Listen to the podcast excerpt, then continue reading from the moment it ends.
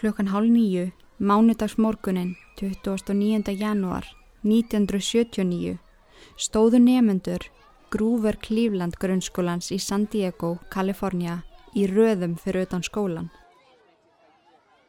Skólastjóru þeirra, Burton Ragg, var rétt ákominn til að opna hurðina til þess að hleypa þeim inn og byrja nýjan skóladag. En áður en hann komst í það að opna, heyrðist undarlegt hljóð.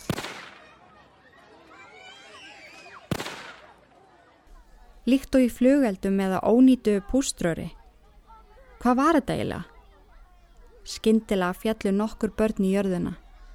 Hini nefndunir horði í kringum sig og skildu ekkert hvað var í gangi. Börnin voru svo hrætt og hlöpu um í allar áttir. Hinum eigi götuna, á móti skólanum, var 16 ára gamla Brenda Spencer að miða rifli út um gluggan á heimilinu sínu í átta skólanum.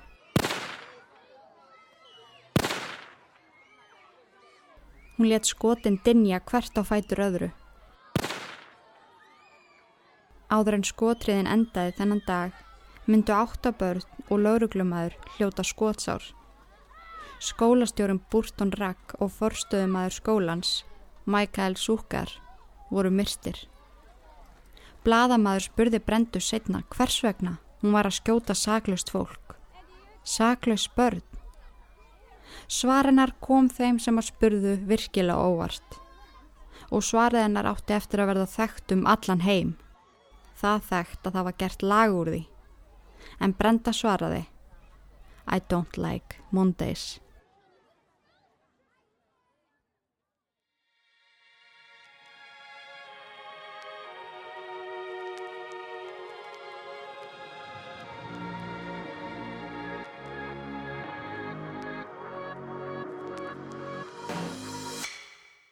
Komið sæl og verið hjartanlega velkomin. Inga er hérna með ykkur á þessum líka dýrðardegi. En einu sinni sagði gamall vitur maður mér að miðvöggudagar væru ílverk podcastdagar. Og það er svo sannlega rétt hjá gamla manninum. Í þætti dagsins ætla ég að fjalla um eitt fyrsta morðmál sem að ég heyrði af. Ég gleymi því ekki þegar ég sá þetta fyrst í sjóarpinu hversu mikið mér þyrsti í meiri upplýsingar. En ég hef verið svona tveggjara. En þátturinn er í bóði blöss.is, uppáhalsverslun okkar allra. Verslunin sem við förum öll í til þess að kaupa okkur a little bit of spice í lífið. Ég vil enn og aftur minna ykkur á mikilvæg þess að eiga Uberloop. Þau geta hent öllum öðrum sleipiðefnum því að þetta toppar þau öll. Hvort sem að þú ert í einleik, tvíleik eða þrýsleik. Þið getur svo nota kóða minn Inga 10 fyrir 10% afslátt af öllu sem að þið vestlið. Blöss.is fyrir þig og þína. En ég held við ættum bara að keira á stað í mál dagsins. Handritið er eftir Valdísi Maríu Guðmundsdóttur, þáttastjórnandi er Inga Kristjáns og þið er að hlusta á Ítverk podcast. The Cleveland Elementary Shooting. Gjöru svo vel og verði ykkur á góðu.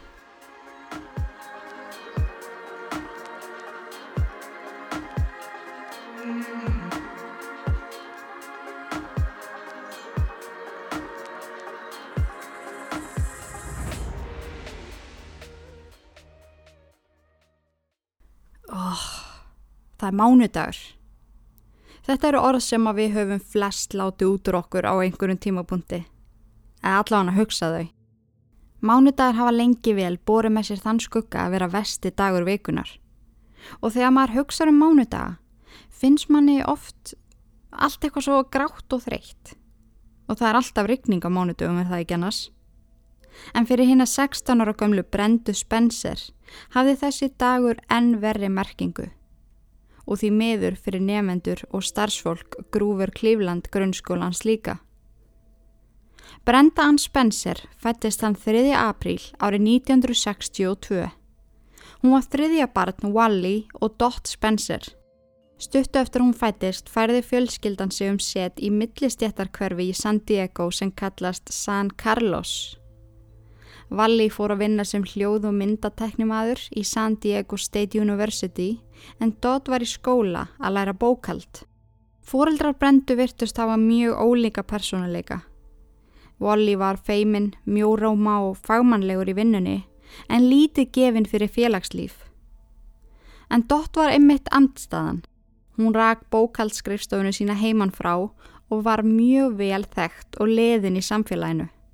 Vinamörg og með stóran personuleika. Á þessum tíma var Brenda mjög hress ung stelpa sem að æfði golf, brennibólta, fóbólta og keilu. Hún elskaði líka dýr og átti meðal annars ketti, hunda, skjaldbökur og snák. Hún talaði oft um að vilja vera dýralæknir. Um 1972 þegar Brenda var tíu ára fóru hlutir að vestna hratt í hjónabandi Wally og Dot. Wally var farin að drekka mikið. Hann hjælt fram hjá Dot sem að fekk á endanum nóg af þessari hegðun og sóttu um skilnað. Í því ferli var meðal annars ákveðið hjá hverjum börnin myndu búa. Skott og Teresa sem voru þarna úlingar, sískinni Brendu, söðust frekar vilja búa hjá pappa sínum. Dómar og þótti ekki við hæfi að slíta börnin í sundur svo þau fóru öll til Wally. Dott varð eftir á heimili fjölskyldunar en Wally kefti sér hús á Lake Atlanta Avenue. Húsið var beint á móti Grófur Cleveland grunnskólanum sem að brenda gekk í til ársins 1974. Fyrstu árin eftir skilnaðin vildi brenda stanslöst heimsækja mömmu sína og var oft mætt heimtelanar áður en Dott kom heim úr vinnunni. Amma hennar saði að brenda greti þegar hún þurfti að fara frá mömmu sinni og aftur til pappa síns. Þegar árin liðu fór brenda samt að heimsækja mömmu sína minna og minna og á sama tíma tók fólk eftir því að hún dróði tilbaka, varð hljóðlát og neðulút. Hún hætti að æfa íþróttir, hætti að umgangast vinið sína og vildi helst vera einn alla daga. Ásandi að finna fyrir höfnun frá móðu sinni á þessum tíma sem hún lísti eins og köldum stein í maganum, byrjaði brenda að verða fyrir ofbeldi frá föðu sínum. Í viðtali sem hún fór í setna meir segir hún að Wally kemi alltaf heim reyður, öskraði á hana og beitt hana ofbeldi. Hún sagðist einni að voruð fyrir kynferðislega ofbeldi að hendi hans. Wally og Brenda deldu svefnherbyggi í húsinu og sangkvæmt Brendu delduðu líka rúmi. Það voru ekki til mörg húsgögn á heimilinu og rúmið þeirra var bara dýna á gólfinu. Brenda sagði að Wally snerti hann á óviðandi hátt og nauðgæði henni nánast á hverju kvöldi.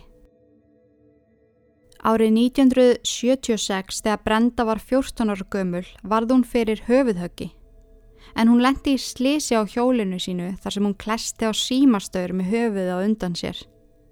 Samkvæmt Skott, bróður hennar, leiði við Brendu eftir hún klesti á stöðrin og var hún ringluð daginn eftir. Wally vildi ekki fara með hann á spítalan en Teresa, sýstur hennar, sagðist alltaf gera það.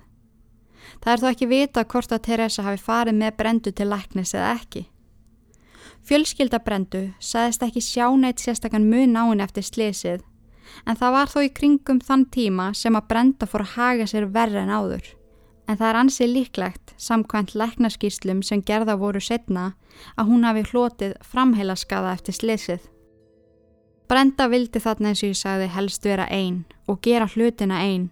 Hún var mjög róleg og hljóðlátt og átti ekki marga vini. Hún eitti þó mjög miklum tíma með pappa sínum sem tók hana oft með sér að æfa skótækni eða svona target shooting. Wally átti nokkra bissur og hann kendi Brendu að skjóta þegar hún var mjög ung. Hún hafði mjög gaman að því Um helgar heimsóttu feðginin oft vini Wally sem áttu land og þau efðu sig að skjóta þar. Brenda, pappinar og Tom, vinur Wally, fóru langt inn í eðimörkina og skutu dósir og trebúta.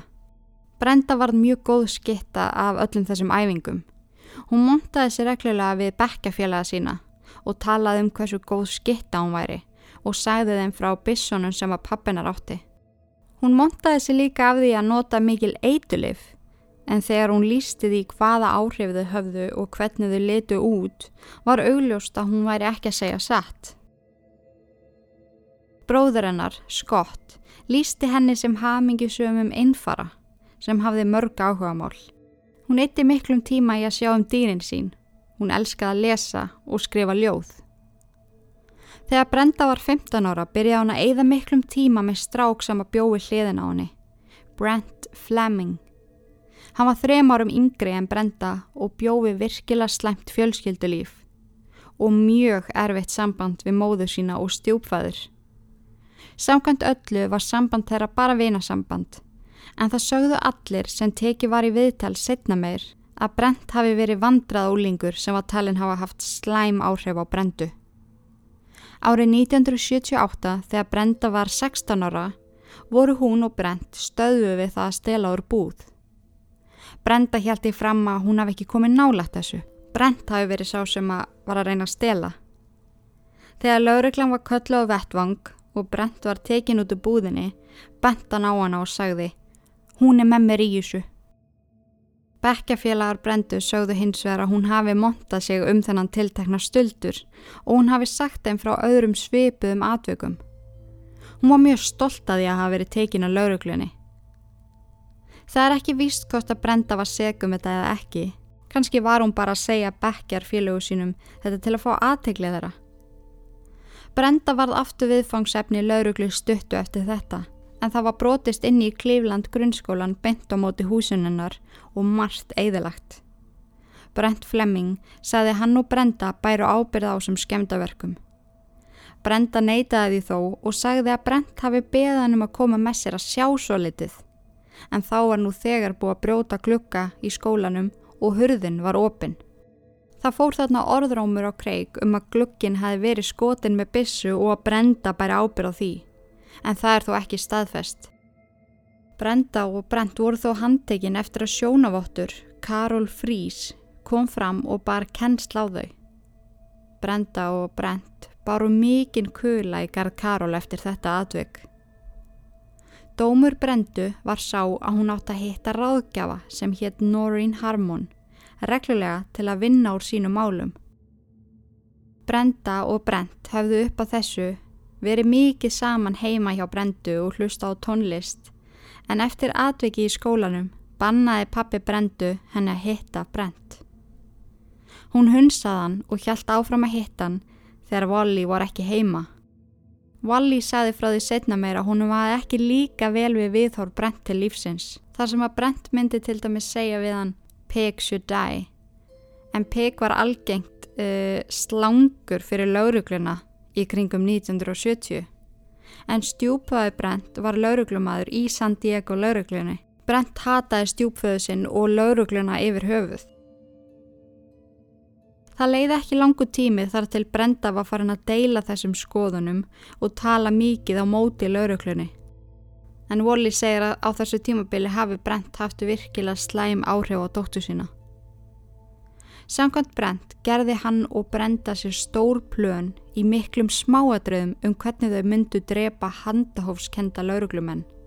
Í einu planið þeirra ætlaðu þau að lappa upp að lauruglumanni í bílnum sínum og skjóta hann þar inni. Önnur plön inni heldur meðal annars að bróta rúðuna í bílnum hjá lauruglumanni og henda ekkjum í hann til að fá laurugluna til að elda sig. Þau myndi lokkan inn á baðherbyggi og síðan myndi brenda drepan með exi. Brent saði að þau brenda væru alltaf að plana svona hluti en gerðu samt aldrei neitt í því. Brent og fjölskyldaðans fluttu síðan norðar í San Diego árið 1978 Brent og Brenda heldur samt áfram að tala saman í síma en svo samskipti fóru að dvína með tímanum. Um haustið 1978 byrjaði Brenda fyrsta árið sitt í mentaskóla og enganir hennar fóru að batna eftir að Brent flutti í burtu. Hún hefði mikinn áhuga á ljósmynda áfanga sem hún var í og fólki í kringum hana fannst skapennar vera batna til muna. Utanfrá leit allt út fyrir að ganga betur en innra með sér var brenda á hraðri leið niður og sótti á hana djúft þunglindi. 20. desember 1978 fór Brenda að hitta ráðgjafa sinn, Noreen. Smáadrein um það sem Brenda sagðinni eru óþægt en Noreen segir að hún hafi orðið virkilega áhyggjufull um hugarástand Brendu og hún hafi þarna haft samband við sálfræðing sem átti að hitta hana. Noreen var hrættum að Brenda myndi fremja sjálfsvík og hún lísti því að Brenda vildi alls ekki tala um framtíðaplön eða jáfnvel viðurkenna að framtíðin væri til. Hún var á virkilega svörtum stað. Fóreldra Brendu voru látin vita af hugarástandi dóttu sinnar en þau sópuðu vandamálunum bara undir teppið. Hvorugt fóruldreið virtist vilja viðkjöna að dóttið þeirra væri tefandi tímasprengja sem væri við það að springa.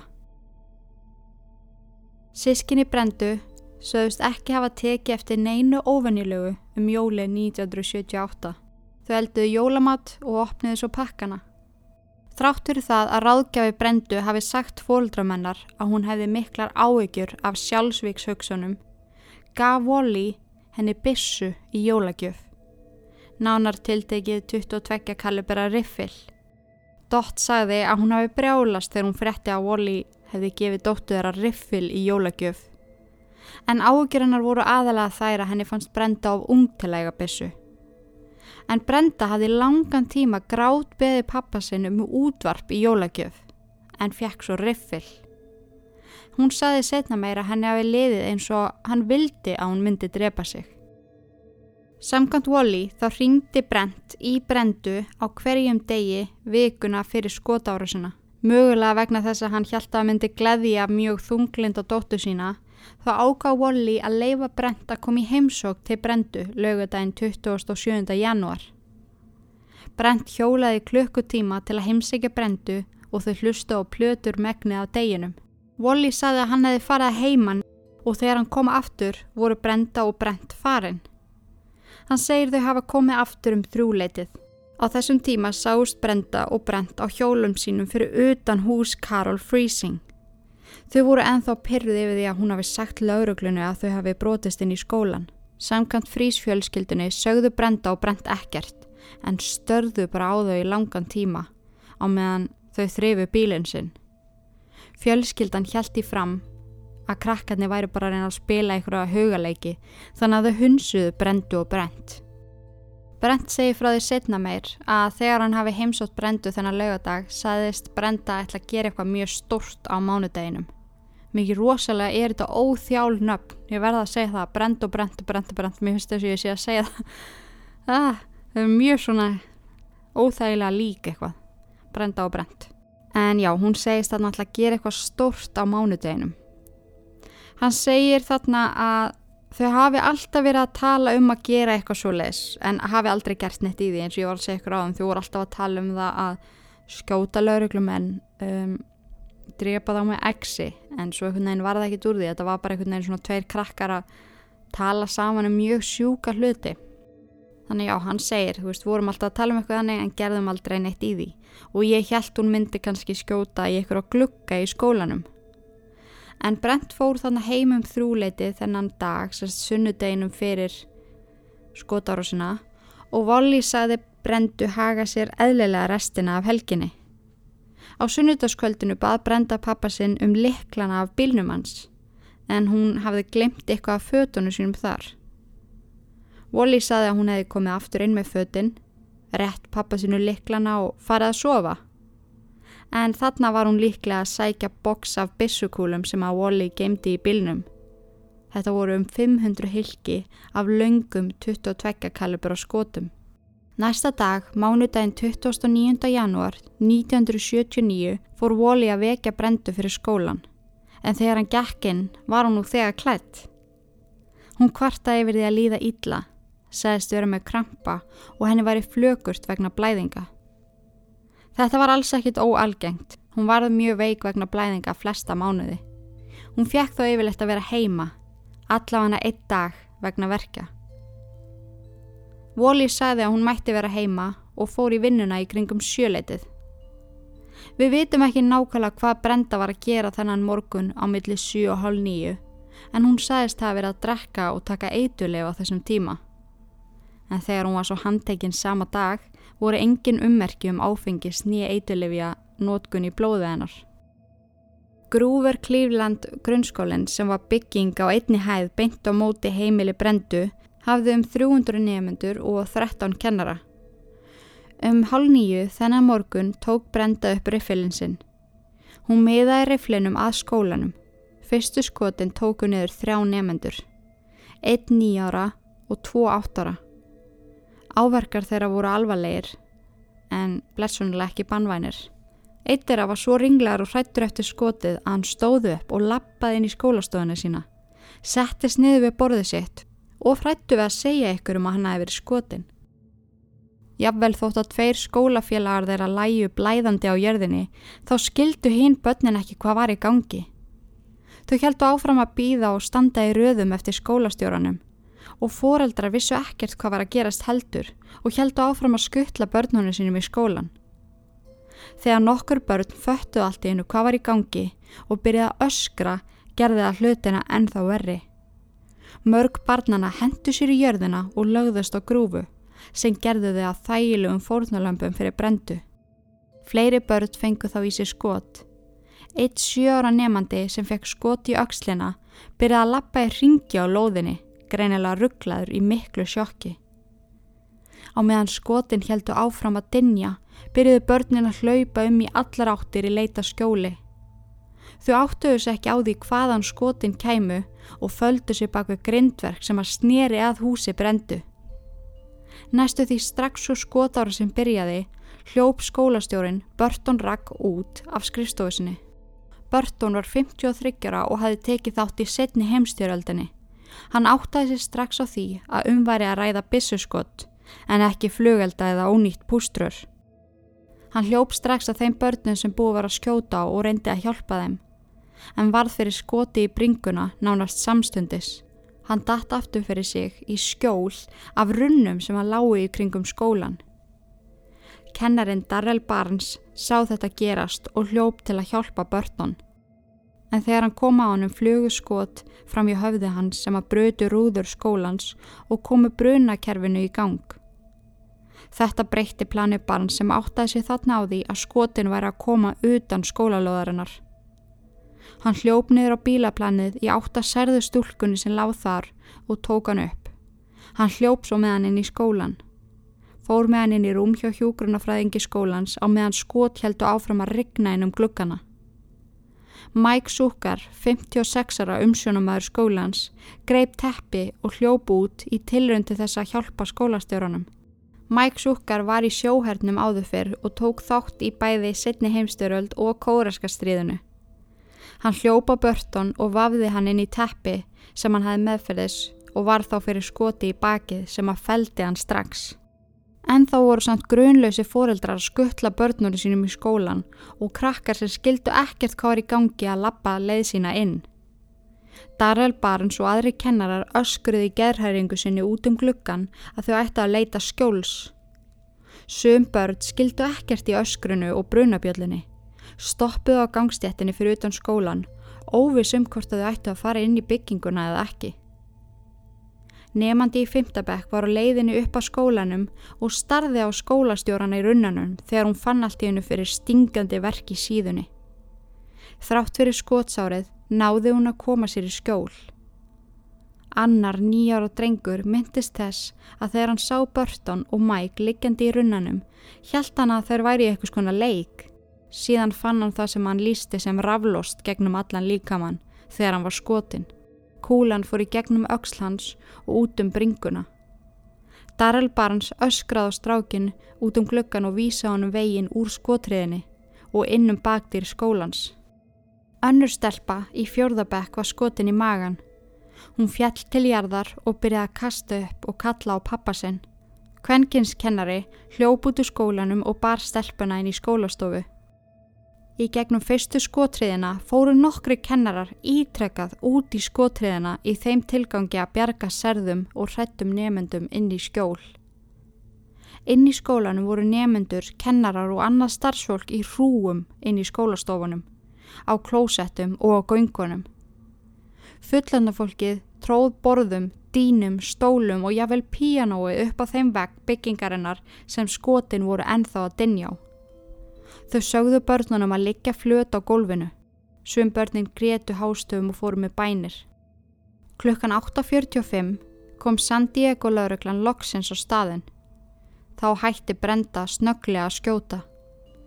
Tveir menn og átta börn voru alvarlega slösuð á svæðinu. Lauruglan hafi verið látið vita af skotárásinni innan mínutna eftir hún byrjaði, en grunnskólinn var í tiltögulega langri fjarlað frá lauruglustöðinni. Þess vegna tók það fyrstu viðbraksæðila 15 mínútur að koma á svæðið. Lauruglumenninir sáu tvö mitt börn á bílaplaninu, tvo mitta menn í runnanum og hrætt börn fela sig á bakvið bíla á bílaplaninu. Þá voru slóður af blóði á göngustíðum og upp að skólanum. Eitt lauruglumannana fóra börnunum sem að földu sig á bakvið gerðinguna og vísaði þeim veginn að skjóli á meðan hinn hljóp að Burton og Mike. Þeir voru enn á lífi en þeir voru í mjög annarlegu ástandi. Um 8.50 heyrði bladamæður frá San Diego Morning um skotárasuna í lauruglútvarpi og stuttu setna voru allir starfsmenn bladsins komnir af stað í að leita fleiri upplýsinga um málið.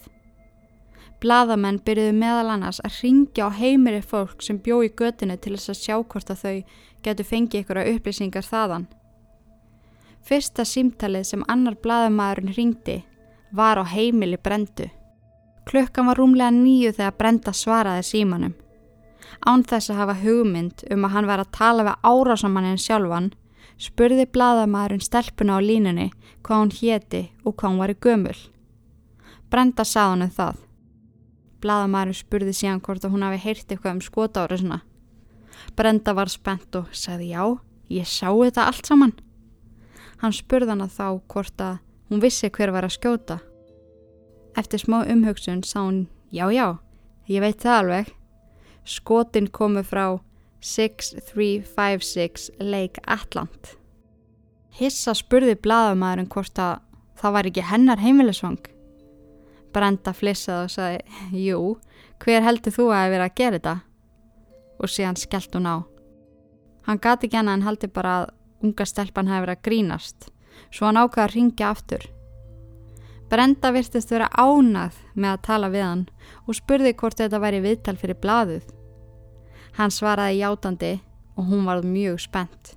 Þegar hann spurði hana hvers vegna hún var að skjóta, þá svaraði hún I don't like Mondays.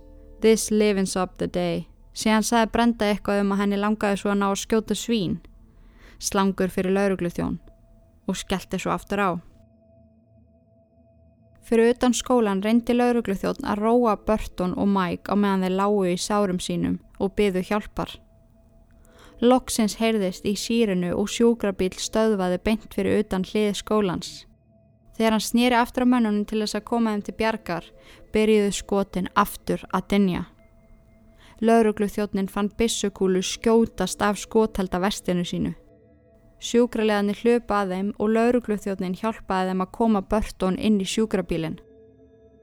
Þegar þau fóru aftur að sækja mæk, fann lauruglu þjóttnin fyrir skrítinni tilfinningu í hendinni.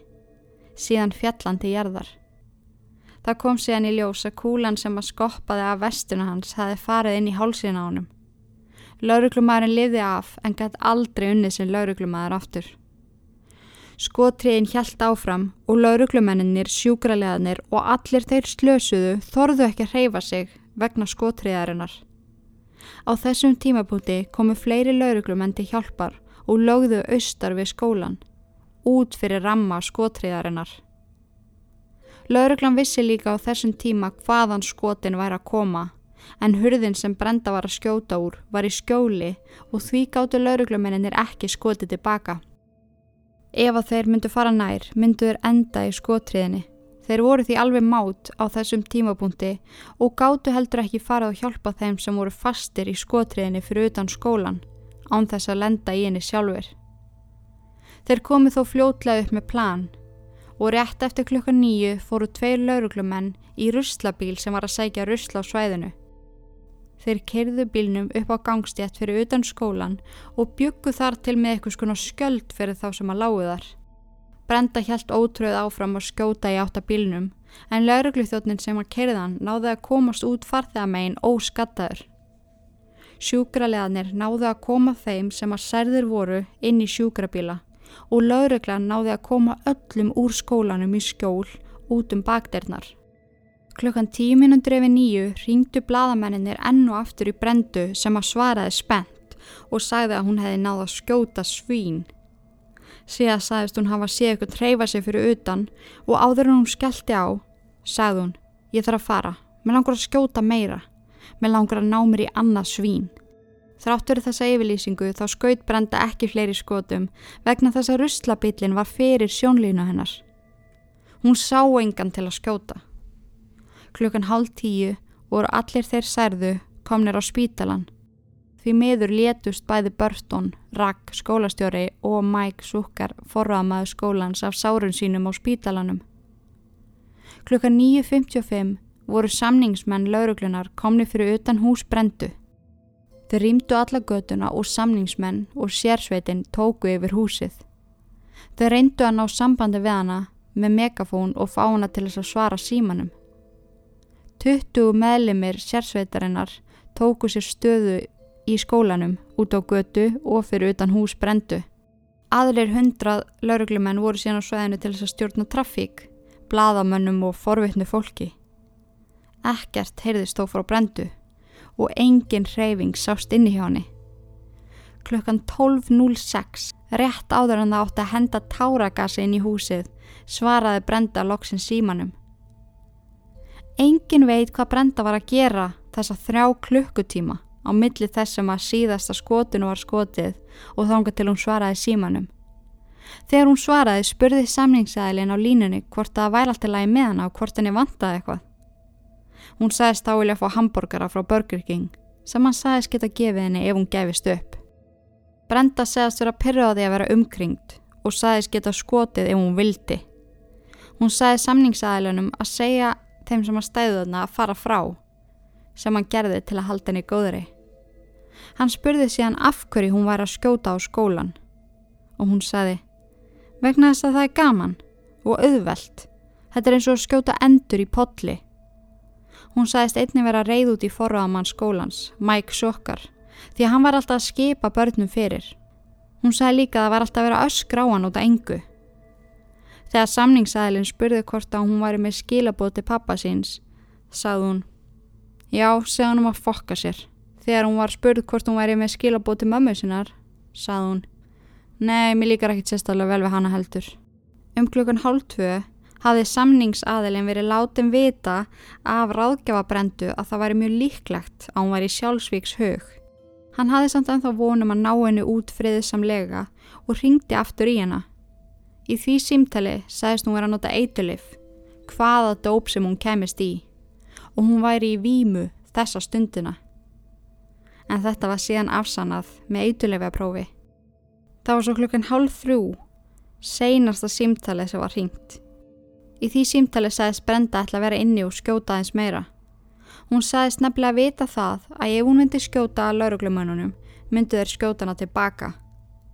Samningsæðilegin breytti þá um taktík og sagði henni að ef hún myndi skjóta, þá gæti hann ekki gert neitt til að stöða það sem myndi gerast þá. Þau myndu jáfnvel þurfa að henda táragasi inn í húsið sem að myndi alvarlega skada dýrinennar. Við þetta var brenda rólegri og loksins eftir þrjár klukkustundir að samningsviðraðum ákvað brenda að gefa upp vopnin sín og sér sjálfa. En henni þótti greinlega mjög vænt um dýrin sín. Þann 30. januar, degi eftir skotárusuna, var brenda sett fyrir dóm. Vegna alvarleika málsins var hún dæmt sem fullorinn einstaklingur. Hún fjekk á sig ákæru fyrir tvö morð og tíu önnu lögbrót meðal annars tilraun til mandráps. Upptökur að brendu segjast hata mánudaga voru svo spilaðar aftur og aftur í útvarpi og sjóarpi. Heimili fóreldra hennar voru eggjuð og kasta steinum í glukkana þeirra og þau fengu aldrei frið. Dómurinn sem hún fekk voru 25 ár til lífstíðar. Hún hefur fimm sinnum reynd að komast út á skilorði en aldrei hefur það komast í gegn. Þannig núna 58 ára aldri setur Brenda enn í The California Institution for Women. How have you grown uh, being in prison? Well, I've had to kind of grow up and just matured a bit more and I, I keep trying to better myself and, and deal with problems from the past and everything. So, In what ways better yourself? well, like through, uh, I've, I've gotten off the drugs and just trying to deal with the problems, family problems and things that I had.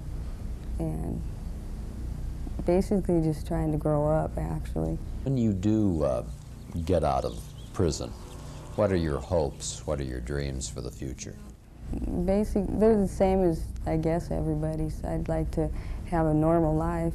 You know, I came in really, really young, so I don't really know what it's like out there, you know, dealing with the world as an adult. And I'd like to go to school and get a job and possibly work with some kids or in, in a program or something. Brenda Spencer never had a trial. She pleaded guilty to first degree murder. Now she wants one. During my, my uh, court appearances, they left a lot of paperwork out that would have had a lot of bearing on my, my trial if they had brought it up. It would have changed a lot of things. Such as? Well, um, there's like there's two sets of toxicology reports. The ones that went to court with me stated that I was on, on no drugs or alcohol. And then there's an independent lab test from the same blood samples that show I had blood, uh, blood alcohol levels and a lethal amount of drugs in my system, and that was never raised in court. Including PCP? Mm, there's no test right now for PCP, but the other drugs and the alcohol together on their, on their own were a fatal dosage. If I had no drugs or alcohol in my system, then I'm just a cold-blooded killer, and uh, that's not how I am if I have drugs and, and alcohol in my system at the time, it's like it, it changes it from premeditated to manslaughter. Okay, let's go back to that morning, that Monday morning. Uh, had you been drinking all night? Just set it up for us. No, I'd been drinking pretty much the whole week before that, prior to that. I had missed school like the whole previous week. Um, I was just they call it here on a roll, you know, just using constantly and, and drinking. And so that, that whole week ahead of time is, it's pretty much a blur, you know. It's just one, one bottle of booze after another. Where'd you get the PCP? You buy it at school and on the streets. It was really, really common then on the streets. Okay, you're on whiskey, PCP. Then what happened? It's Monday morning. You know, I, I have a very fragmented memory of, of the whole day. Mostly what I remember is what I've read in the police reports. And I, I couldn't take you step by step through the whole day, but um, I basically know what happened. Through reading the police Through reading reports. the reports and, and, and things but it's still because I was so many drugs and stuff, and it's just really fragmented on what I remember. Mér þykja ansi ólíklegt að hún muni nokkuð tíman komast út. Þetta er svo ótrúlegt mál. Það eru svo mörg rauðflögg sem að maður sér, þar sem að hefði verið hægt að grýpa inn í og hjálpa henni. En hún var greinilega mjög veikur, ungur einstaklingur sem að kallaði samt svo ofta hjálp. En allir henni hafi liðið eins og þetta væri að eina í stöðinni, þetta væri það eina sem myndi vekja aðtegli. Það er allavega áhugavert að pæli því, en ég mæli með því að skoða viðtölum við hana sem eru til á YouTube. Þetta er mjög áhugaverðu karakter þessi stelpa og líka bara googliði I hate Mondes og sjáuði allt sem er búið að gera í kringum þessa einu setningu. Þetta er svona álíka á setningin hann að Cast me outside, how about that, hann að sem að ég man ekki hvað hann heitir, Daniel sem fór í Dr. Phil, munið ekki eftir henni þetta eru svona setningar sem að einhvern veginn bara ná í gegn en það hafa verið saman lögum um brendu og þessa frægu setningu hennar en áður við hverjum áður en ég hvið ykkur þá ætlaði ég að segja ykkur að nú er ykkar kona komin í jólafrí og það kemur ekki út um miðugudagsþáttur fyrir en 7. janúar næst takk fyrir að koma daginn sko Þannig að já, ég ætla að taka mér ansi gott frí, hlaða batterín, búið til meira efni og, og svo leiðist það er alltaf nöðsilegt. En áskrift og þættinni verða auðvitað á sínum stað. Það koma út tíu uh, auka þættir núna fyrsta. Desember, fimm trúkram þættir og fimm yllar krakkar þættir. Þannig að ef að þið meikið ekki að býða desember þá, þá myndi ég bara kíka í áskriftina hún verður ansið skemmtileg núna í desember en allavega þá heyrust við hérna þeir sem að hlusta á fríu þættina 7. janúar mega fersk af því að ég verði búin að hlaða svo mikið batterín og finna svo mikið að nýju efni en ég vona bara að þið hafið það ótrúlega gott í desember og ég vona þetta líka bara að sjá okkur sem flest í áskriftinni. En ef ekki þá bara Guð varveit ykkur og takk fyrir að hlusta, takk fyrir að vera til og í Guðanabænum forðist öll ílverk nema þetta podcast. Veriði sæl.